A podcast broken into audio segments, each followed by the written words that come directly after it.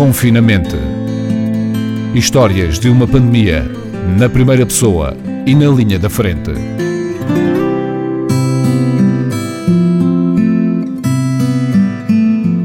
Boa tarde a todos os que acompanham habitualmente o confinamento à quarta-feira aqui na Rádio Voz da Planície de Beja. Uh, continuamos a passar em revista testemunhos relacionados com a Covid-19.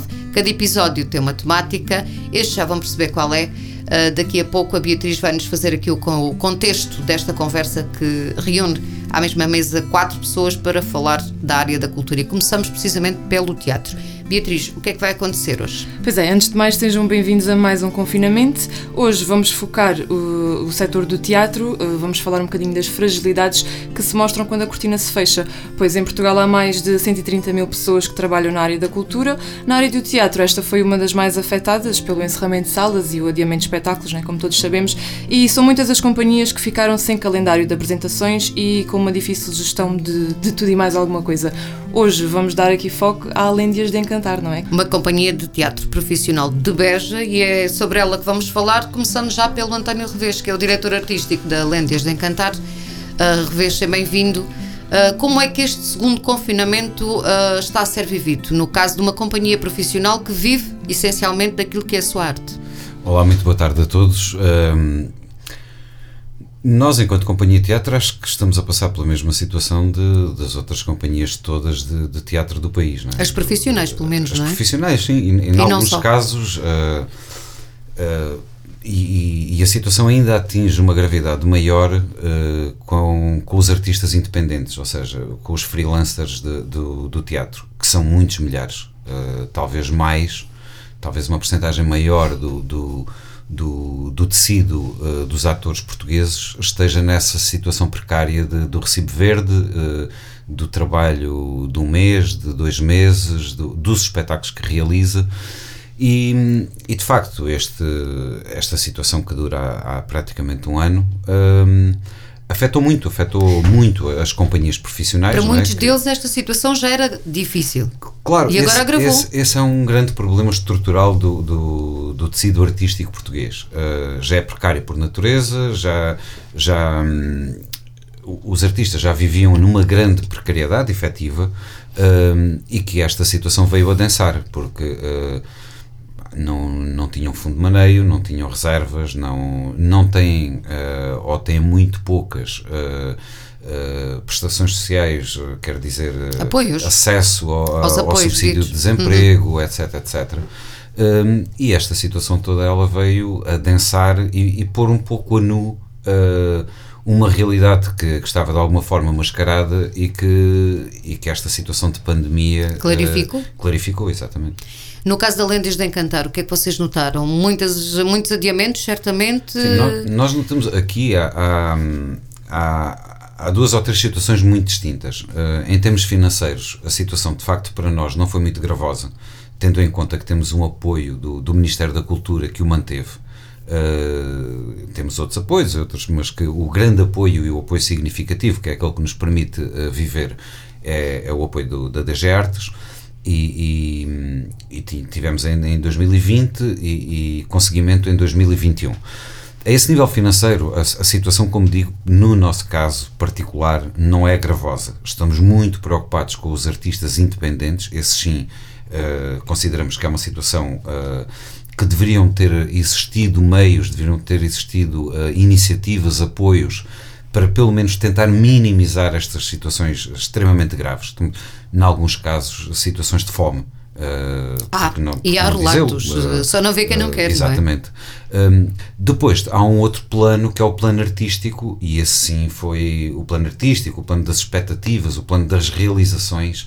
Esse sim, no nosso caso, foi dramático, porque nós, de, de, de alguns anos a esta parte, Colaboramos muito com companhias uh, internacionais, uh, fazemos muitas coproduções com, com companhias de outros países. Este ano tínhamos previstas duas que foram naturalmente canceladas. Uh, depois há toda uma situação, porque isto também não foi linear, não é? Uh, teve aqueles dois primeiros meses de, de, confinamento, depois abriu, depois já se podia viajar, já nos permitiu de alguma forma criar expectativas e, e planificarmos de alguma forma o nosso trabalho o que depois acabou por não se verificar, ou seja, eu, há coisas que eu já não sei quantas vezes é que eu uh, alterei, Já adiei, voltei a alterar, claro. voltei a falar com os artistas todos. Depois uh, é uma situação de facto muito. Estás a uh, falar do Festival Teatro do Alentejo, que foi de- por. não, de e não tudo, só. de, tudo. Ou seja, hum, desde as nossas criações, porque Claro. depois também, como tínhamos artistas contratados, depois nessa altura já não estavam disponíveis porque já tinham outros compromissos, então depois tínhamos que adiar para dois meses depois. Quando íamos começar os ensaios dois meses depois, já não era possível porque estávamos outra vez em confinamento.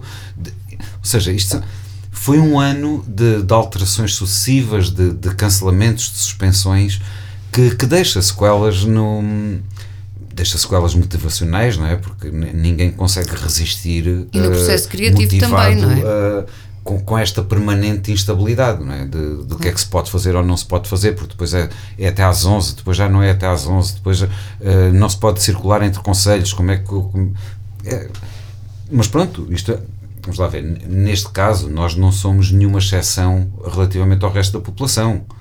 Aliás, estão aqui nesta conversa exatamente para perceber O- quem nos ouve que mais ou menos eh, as companhias não, não estão todas a passar. diferentes de um empregado de mesa, de, um, de um- As companhias e outras do- atividades. é? Exatamente, Claro. to- toda a população portuguesa viveu esta, esta situação. No caso da cultura, penso que a situação mais grave tem a ver de facto com, um- um- com problemas estruturais da área que não são de agora, que vêm de trás e que aqui adquiriram uma, uma dimensão muito maior. Agora, não, nós não somos exceção relativamente ao resto da população portuguesa. Os proprietários dos cafés também tiveram que fechar, os proprietários do- dos restaurantes, imagino também a situação gravíssima ah, em que Devem vivem. estar a passar, não é? tem que pagar rendas, tem que pagar água, tem que pagar luz, tem que, que- ou seja, as contas continuam e, e- e estão fechadas há não sei quantos meses, ou seja, isto não é, não é uma situação específica ah, de- do, do setor cultural. Agora, aqui, como digo, é de facto o, o- a instabilidade do setor aqui ganhou uma dimensão muito, muito clarificante. Entretanto, a Lendes de Encantar está a conseguir, pelo menos, eh, levar a bom porto um, de uma outra parte do seu trabalho, que é o Entre Marias, o festival, eh, que através do Zoom e de outras plataformas tem conseguido manter-se, pelo menos em atividade. Sim, isso ah, acho que e é, e é verdade e tem que ser dito, muito graças ao, ao trabalho da Leopoldina Almeida, porque eu não sou nada ah, adepto de, Destas novas meios, tecnologias. E, e acho que efetivamente se não fosse ela, ah, esse trabalho também teria ficado pelo caminho. Por isso, ah, ah, fazer-lhe o agradecimento público dela. Nunca ter baixado os braços e ter continuado sempre de forma ininterrupta a manter o, o Entre Marias. Um, por outro lado, estamos em processo de ensaios de um, de um novo espetáculo, de uma adaptação, de uma recriação e uh, vamos iniciar brevemente, também com, mas só ao nível do processo criativo, um, de um novo espetáculo em que sim, em que vamos gravar os ensaios e vamos comunicar entre nós e, e o que não vai impedir, naturalmente, um período de ensaios presencial com todos os atores. Mas Ah, porque a mas coisa uma- não é a mesma, É uma é? forma de também tentarmos adiantar algum trabalho e manter alguma sanidade mental que, que nos, nos dias que correm é muito difícil de manter, pelo menos enquanto trabalhamos eh, temos, esse, temos horários, temos, temos objetivos, temos, temos E já que eh, falas nessa questão da sanidade mental, como é que tem sido para vocês, atores? Com o processo criativo aqui todo colocado em causa, como é que têm gerido essa situação? Não sei, eu tenho. hum, eu- Podes falar no teu encaro- caso em particular, não é? Eu, eu tenho. um- Ou seja, eu particularmente eu acho que sou um profissional como outro profissional qualquer. Não, ah, não é o facto de ser ator ou de ser artista que, que, que faz Já um passar por uma maior diferente. crise ou menos crise, não é? Eu acho que ah, Crise toda a gente se de- sentiu afetada com isto. Não? Eu acho que o. Vamos lá ver. ah, correndo o risco até de, de- de ser um pouco mal interpretado, mas. Os artistas tiveram um papel fundamental, creio eu, nos primeiros dias da, da, da pandemia, Pronto, em que as pessoas estavam fechadas em casa, estávamos a viver uma situação inédita, totalmente inédita. E acho que os artistas nisso foram, como, como geralmente são, são bastante, bastante solidários, foram os primeiros a, a, a tentar manter as pessoas animadas e, e, e continuaram sempre a lançar produtos. Depois acho que se caiu aqui numa esquizofrenia eh, dentro do, do setor artístico que, que todos os dias quase que tinha que se fazer um vídeo e compor uma canção e, e, e eu acho que isso. Tudo se esgota, não é? Claro, eu, eu não vi isso noutros setores profissionais. Não vi os empregados de mesa a montarem mesas e a, e a, e a simularem que andam a, fazer cocktails e a servir às mesas. Não, não vi um pedreiro a, a rebocar a mesma parede da casa 10 e 15 vezes. Uh, ou seja, acho que temos que passar por isto como o resto da população está a passar, sem tentando manter efetivamente alguma lucidez e se calhar passa por planificar melhor os anos que aí vêm porque também nós geralmente somos planificamos pouco as nossas coisas uh, e se calhar este foi um período, pelo menos nós, Lendas de Encantar, tentámos aproveitar estes, tudo, estes é? meses para, para repensar a nossa atividade, para projetarmos os anos a 4, a 5, a 6 anos. Um, tentámos aproveitar o tempo dessa maneira, sem entrar de facto nessa esquizofrenia de temos que gravar um vídeo e agora vamos uh, fazer aqui uma performance, uh, streaming e um. Não, não. Pode ter a ver com a minha idade já, não, não acompanhar estas novas tecnologias. Revés, eh, uma última questão. relativamente àqueles que têm sido os apoios do Ministério da Cultura, como é que vocês, e falaste aí há pouco, estás muito preocupado com os artistas, aqueles que são os independentes, aqueles com quem vocês também tinham acordado trabalhos e tiveram que deixar cair por terra, não é? uh, esses apoios têm chegado, não têm chegado? A o que situação é que tu das pessoas? A situação é de facto muito grave. Nós tentámos, uh, dentro de, das nossas uh, possibilidades, por um lado, pagar a toda a gente com quem tínhamos acordos de, de, de trabalho, e, apesar de não termos feito as produções iremos fazê-las posteriormente, daqui a três meses, daqui a quatro meses, daqui a um ano, quando for, mas as pessoas foram pagas na altura em que, em que iam começar a trabalhar. Acho que o Ministério, as últimas, inicialmente foi catastrófico, foi. Uh, foi, foi muito, pouco muito pouco amigo, muito amigo, pouco é? sensível é? claro. do, dos artistas. As últimas medidas são de alguma forma robustas, são, são, são, são mais estruturais também. São é? mais estruturais, permitem alguma estabilidade. No nosso caso, por exemplo, já nos, uh, já nos deram o apoio para 2022 sairmos a concurso. Pronto. Agora, para os artistas independentes, e esse eu acho que, que, são os que estão neste momento a sofrer mais, acho que houve um apoio global de um, de um IAS, que são 400 e tal euros. Ninguém sobrevive com 400 e poucos euros pessoas por mês. que estão há, há, um ano praticamente sem trabalhar. Isto não, uh, isto não é rigorosamente nada. No entanto, fez isso e pronto, e acho que está a pensar noutras medidas. A nível regional e local, também os poderes estiveram muito mal, uh, nomeadamente, por exemplo, a Câmara de Beja uh, reagiu tarde, ou seja, uh, levou mais tempo a reagir do que nós próprios, por exemplo. Lançámos uma bolsa de aquisição de espetáculos muito antes do município. E estou em crer. Que ainda não foram para o ar, mas que iam ir, não é? Iam ir quando, quando, quando tivemos a oportunidade. E não tenho pejo nenhum em afirmar que penso que, que, que reagiram uh, por reação à nossa bolsa, não, não estavam a pensar nisso e que depois uh, improvisaram ali um programa de apoio que, que aquilo não tinha, na minha opinião, nem pés nem cabeça. Neste momento estamos há três meses confinados e ainda não reagiram. Ou seja, devem estar à espera que a Lendas de Encantar lance novamente uma bolsa de aquisição de espetáculos para que o município reaja. Parece-me que é de uma insensibilidade porque estamos a falar de uma coisa muito local, em que as pessoas efetivamente se conhecem. Aqui não estamos a. a vamos lá ver, não, não estamos aqui. E, e, esse era um dos problemas daquele programa que foi lançado, em que tinha critérios artísticos. Não. Neste momento isso não interessa para rigorosamente nada. Neste momento o que a Câmara tem que lançar é um programa de apoio às pessoas que têm dificuldades. Que têm dificuldades em pagar a renda, que têm dificuldades em, em, em viver, em comer. Ou seja, não é. Nem sequer estou a falar de subsídios. Estou a falar que o município deveria de adquirir uma série de espetáculos e programá-los ao longo dos, dos próximos anos. Ou seja, é comprar trabalho. Agora que as pessoas precisam Era essa efetivamente. a forma de ajudar, é isso claro, que tu aqui não, não, E isso eu acho que a esse nível o município esteve muito mal, porque primeiro ainda não reagiu, não sei se irá reagir, mas já estamos há três meses nesta situação. Já houve tempo mais do que suficiente é isso que se espera do, de um líder político, é isso que se espera de um, de um executivo camarário. É que, não que reaja, mas que haja. Ou seja, deve estar à frente das coisas, deve ser o impulsionador, deve ser o líder. E, e o município de Beja não o foi. Em, em, todo este processo, relativamente à cultura, não foi. Andou sempre atrás. Sempre uh, atrás do caminho que era desbravado pelos outros.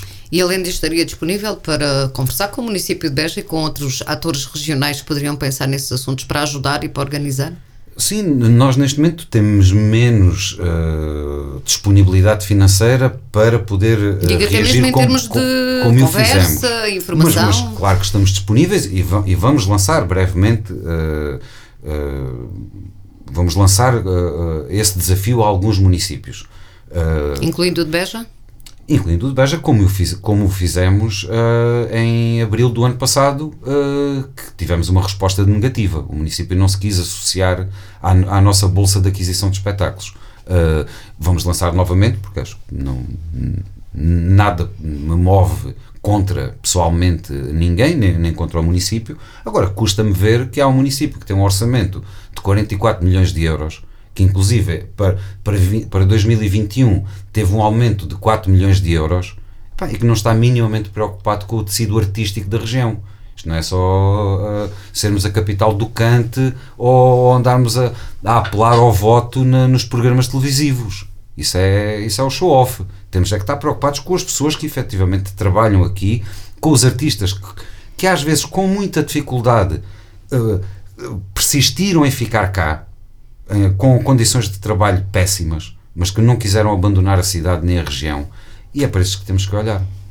Muito obrigada, António Reves, pela tua ajuda hoje aqui no pela, confinamento. Pelo convite. E também para falarmos um pouco melhor sobre estas situações. Com certeza, muitos dos que vão ouvir se revêem em muitas das coisas que aqui foram ditas Ou hoje. Ou não. Ou não. Há sempre essa possibilidade. Claro. Confinamento. Beatriz, prosseguimos agora sempre com a outra parte do programa em que tentamos sim. dar aqui um aporte também positivo à coisa. Claro, e temos mais uma convidada também que trabalha pois com é, a Lendis. A nossa convidada de hoje é Sandra Maia, ela é artista e há um ano, há sensivelmente um ano que estamos em, em, pandemia, né? há um ano que atingiu o nosso país este, este vírus maligno e que tem tido, tem tido a atividade bastante afetada uh, com uma espécie de quarentena forçada, como já, já pude ler em vários artigos, ne, no setor do teatro. Uh, o António falou de, da sanidade mental há bocado e a pergunta que eu tenho para te fazer é exatamente como é que estás a dar a volta a esta situação também a nível psicológico.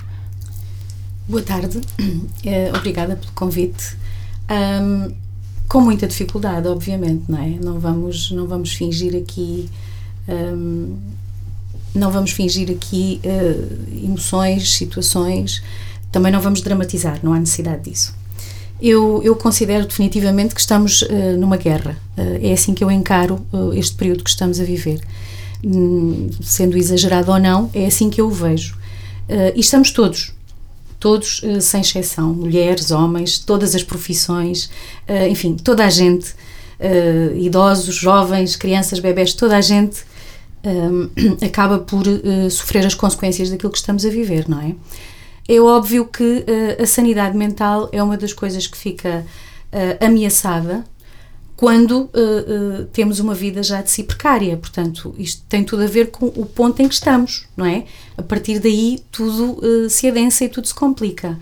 no meu caso concreto, sou uma das atrizes que sobreviveu um, graças a estes apoios, nomeadamente das Lêndias de Encantar e de outras pessoas que confiaram em mim e que me colocaram a, a, a produzir, a trabalhar, e, e, foi daí que eu tirei o, o dinheiro para sobreviver até agora para pagar a minha renda, para, para dar sustento aos meus filhos, para pagar as minhas dívidas, não é? E estar aqui, tudo contado, tudo, tudo muito calculado. Portanto, para já, uh, um, parabéns uh, à Lêndias e, e, a outras pessoas que apostam, a outras pessoas que apostam nos atores um, e que permitiram que este ano fosse possível uh, viver, não é? Porque há muitos, e eu estive à beira disso, de desistir Claro, claro. Eh, desistir, eh, muitas vezes, não só desistir do que fazemos, não é? não é? Às vezes nem é isso que passa pela cabeça. Continuamos com eh, muito agarrados àquilo que amamos fazer. É curioso. Eu passei foi por períodos em que me apeteceu desistir da própria vida. Um, porque não vemos, não vemos, não vemos um. Não conseguimos perceber o que é que vai acontecer a seguir. Estamos mesmo perdidos, não é? Um, mas bom, depois vem a, a nossa capacidade enquanto atores uh, porque conseguimos uh, encarnar muitas pessoas, muitas personagens, muitos, muitos sentimentos, muitas. Uh, vem ao de cima essa capacidade que temos de, de, de questionar, porque acho que é isso que define muitas vezes os atores, encenadores, é, é o questionar. Quando nos colocamos a questionar, obviamente temos um objetivo. Então damos o salto, não é? Acho que este período foi, de facto, também gostava de referir isso, foi um, um, um período de questionamento. Uh, e serviu para o bem e para o mal, curiosamente, não é? Um, e pronto, não sei se respondi à questão. Claro, claro. e até agora não tens feito trabalhos pronto, via online, streaming? Tens, tens feito, não tens feito? Vais não, começar não, agora? Não, eu, eu, concordo, uh, uh, concordo completamente com, com aquilo que o Revés disse. Esta questão do teatro se reinventar é um bocado uma questão, uma falsa questão, porque o teatro é o que é quando Exato. muito pode-se reinventar os textos, pode-se fazer abordagens diferentes. Eu fiz da Mariana Alcoforado, uma Mariana que, que, que, que, se afastava muito daquela freira, portanto, em termos de vestes, em termos de, de, de emoções, em termos de. enfim, eh, no geral. Eh, e é possível, de facto, revisitar textos, espetáculos. Agora, o teatro em si, como ele se faz, com o, o, o espectador sentado a assistir, com a pulsação isso não se reinventa. Isso claro, não existe. É impossível. E, portanto, eu não, eu não me dediquei muito, porque isto depois também uh, afasta as pessoas umas das outras, os termos, os, os meios técnicos, uh, a disponibilidade no dia a dia, uh, emocional, a sanidade mental. Há uma série de, de, de, questões que nos permitem investir mais ou menos nesse tipo de, de, de meios de comunicar, não é?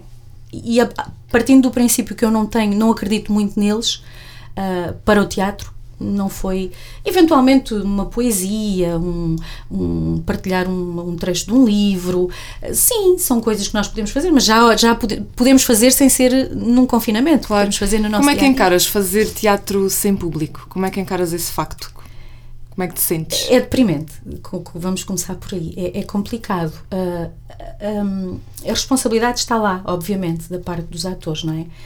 Uh, mas falta-nos o público, falta-nos sentir a pulsação. Uh, não acho que seja uma coisa boa, de facto. Não acho que seja. Não é fácil para já.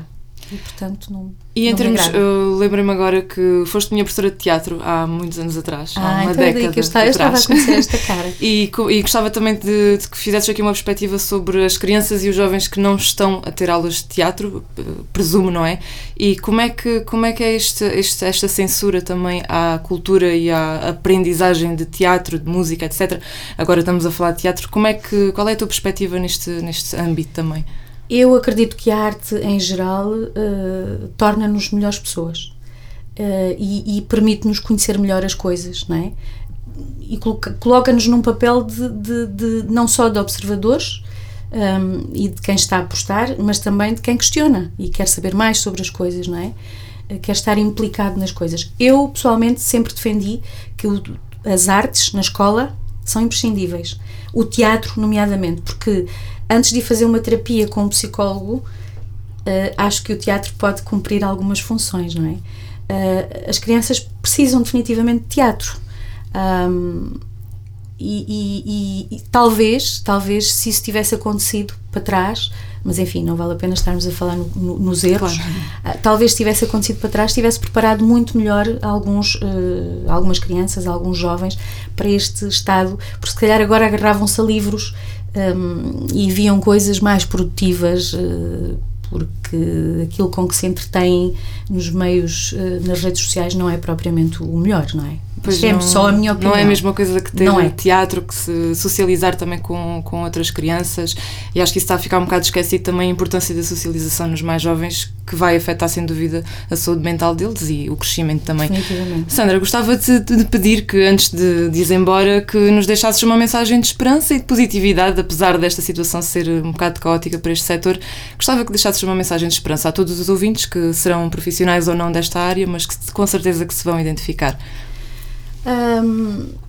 Eu podia deixar uma mensagem uh, que fosse só uma mensagem, mas posso mais do que isso deixar um testemunho, que é o meu, uh, que é, uh, foi difícil resistir, mas tenho, tenho neste momento a perspectiva de, de, de, trabalhar e de refazer a minha vida. Eu tenho 50 anos daqui a um mês.